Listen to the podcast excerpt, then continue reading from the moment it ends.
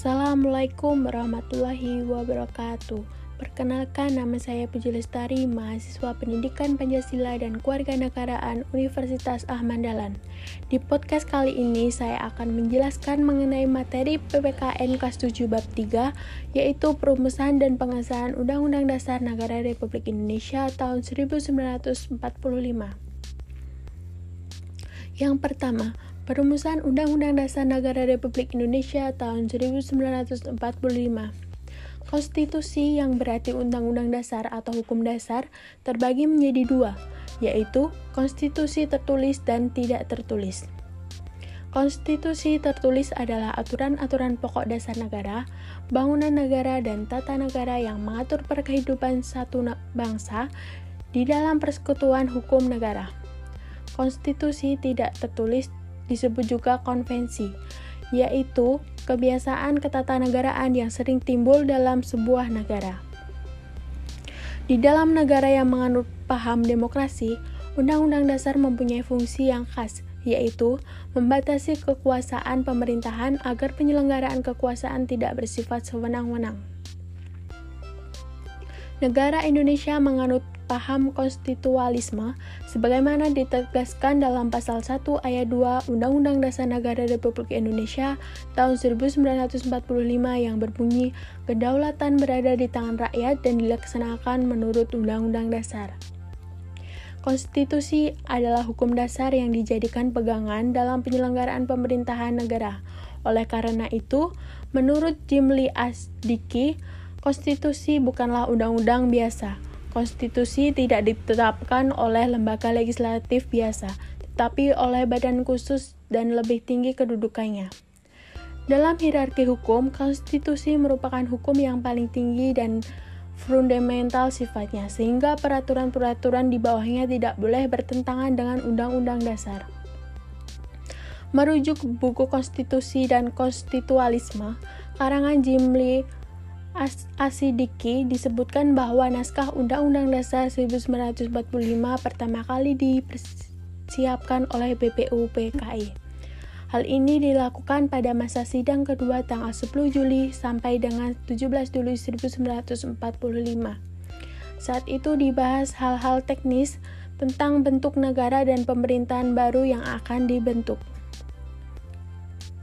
Panitia Kecil Perancang Undang-Undang Dasar pada tanggal 13 Juli 1945 berhasil membahas beberapa hal yang menyepakati antara lain ketentuan tentang lembaga negara, negara kesatuan, sebuah sebutan Majelis Permusyawaratan Rakyat, dan membentuk panitia penghalus bangsa yang terdiri atas Jajingrat, Salim, dan Supomo. Rancangan Undang-Undang Dasar diserahkan kepada panitia penghalus bangsa. Pada tanggal 14 Juli 1945, BPUPKI mengadakan sidang dengan agenda pembicaraan tentang pernyataan kemerdekaan.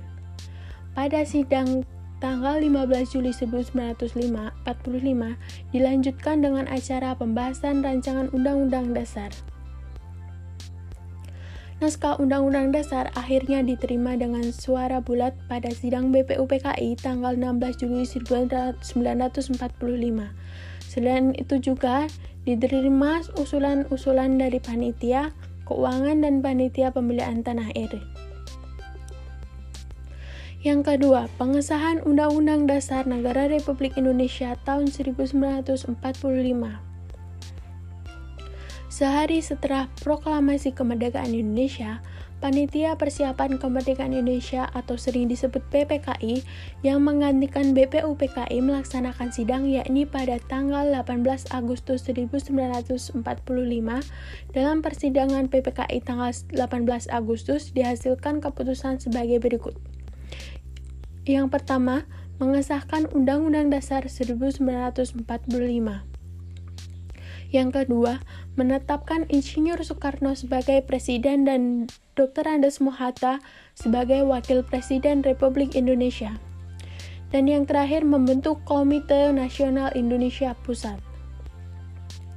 Sidang PPKI telah melakukan beberapa perubahan rumusan pembukaan Undang-Undang Dasar naskah piagam Jakarta, dan rancangan batang tubuh Undang-Undang Dasar hasil, hasil sidang kedua sebagai berikut.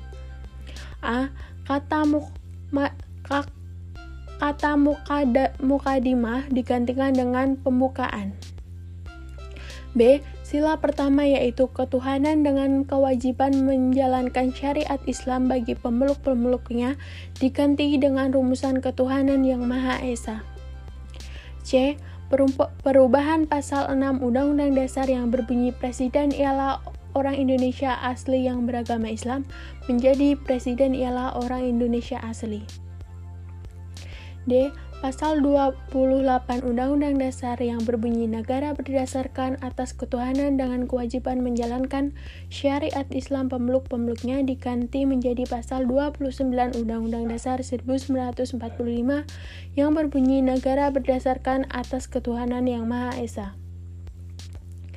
B. Arti penting Undang-Undang Dasar Negara Republik Indonesia tahun 1945 bagi bangsa dan negara Indonesia.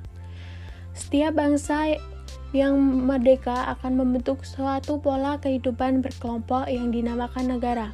Pola ini dalam bernegara perlu diatur dalam suatu naskah berupa aturan hukum tertinggi dalam kehidupan negara Republik Indonesia yang dinamakan Undang-Undang Dasar Negara Republik Indonesia tahun 1945.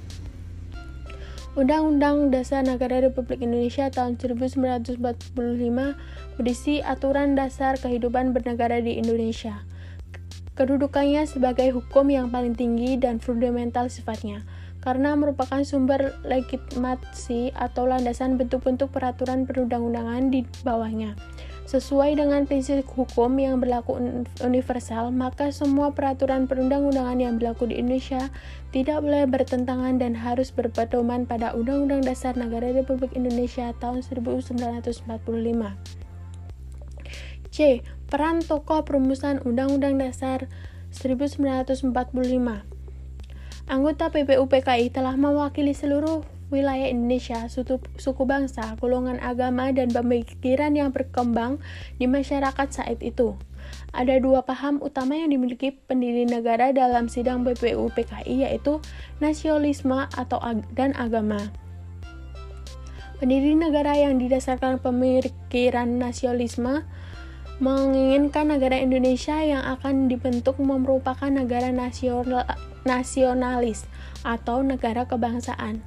Sedangkan golongan agama menginginkan didasarkan pada salah satu agama, berbagai perbedaan di antara anggota BBUPKI dapat diatasi dengan sikap dan pelaku pendiri negara yang mengutamakan kepentingan bangsa dan negara di atas kepentingan pribadi dan golongan. BPUPKI melaksanakan sidang dengan semangat kebersamaan dan mengutamakan musyawarah dan mufakat. Insinyur Soekarno dalam sidang BPUPKI tanggal 1 Juni 1945 mengatakan, kita hendak mendirikan negara Indonesia yang bisa semua harus melakukannya semua buat semua. Dari pendapat Insinyur Soekarno tersebut, jelas terlihat bahwa para pendiri negara berperan sangat besar dan mendirikan negara Indonesia, terlepas dari para pendiri negara tersebut memiliki latar belakang suku dan agama yang berbeda. Sidang BPUPKI dapat terlaksana secara bermusyawarah dan mufakat. Hal itu dapat kalian lihat dari pertanyaan Ketua BPUPKI, Dr. KRT Rajiman, Pedioningrat dalam sidang BPUPKI tanggal 16 Juli 1945 yaitu jadi rancangan ini sudah diterima semuanya. Jadi saya ulangi lagi, Undang-Undang Dasar ini kita terima dengan sebulat-bulatnya sebagaimana tuan-tuan untuk penyelesaian saya minta dengan hormat dan yang setuju yang yang menerima berdiri saya lihat Tuan Yamin belum berdiri dengan suara bulat diterima undang-undang dasar ini. Terima kasih Tuhan-Tuhan. Pernyataan dari Ketua BPUPKI dan tanggapan dari seluruh anggota BPUPKI menunjukkan bahwa para pendiri negara telah mengutamakan kepentingan bangsa dan negara di atas kepentingan pribadi dan golongan, serta mengutamakan musyawarah mufakat dalam membuat keputusan tentang dasar negara dan Undang-Undang Dasar Negara 1945. Keberhasilan bangsa Indonesia memproklamasikan kemerdekaannya merupakan salah satu bukti cinta para pahlawan terhadap bangsa dan negara. Dalam persidangan PPKI, para tokoh pendiri negara memperlihatkan kecerdasan, kecermatan, ketelitian, tanggung jawab, rasa kekeluargaan, toleransi, dan penuh dengan pemufakatan dalam setiap pengambilan keputusan. Setiap patriotisme dan rasa kebangsaan antara lain dapat diketahui dalam pandangan dan pemikiran mereka yang tidak mau berkompromi dengan penjajah dan bangsa sebagai bangsa yang baru merdeka. Sekian yang dapat saya jelaskan kurang lebihnya mohon maaf. Semoga bermanfaat. Wabillahi taufiq wal hidayah. Wassalamualaikum warahmatullahi wabarakatuh.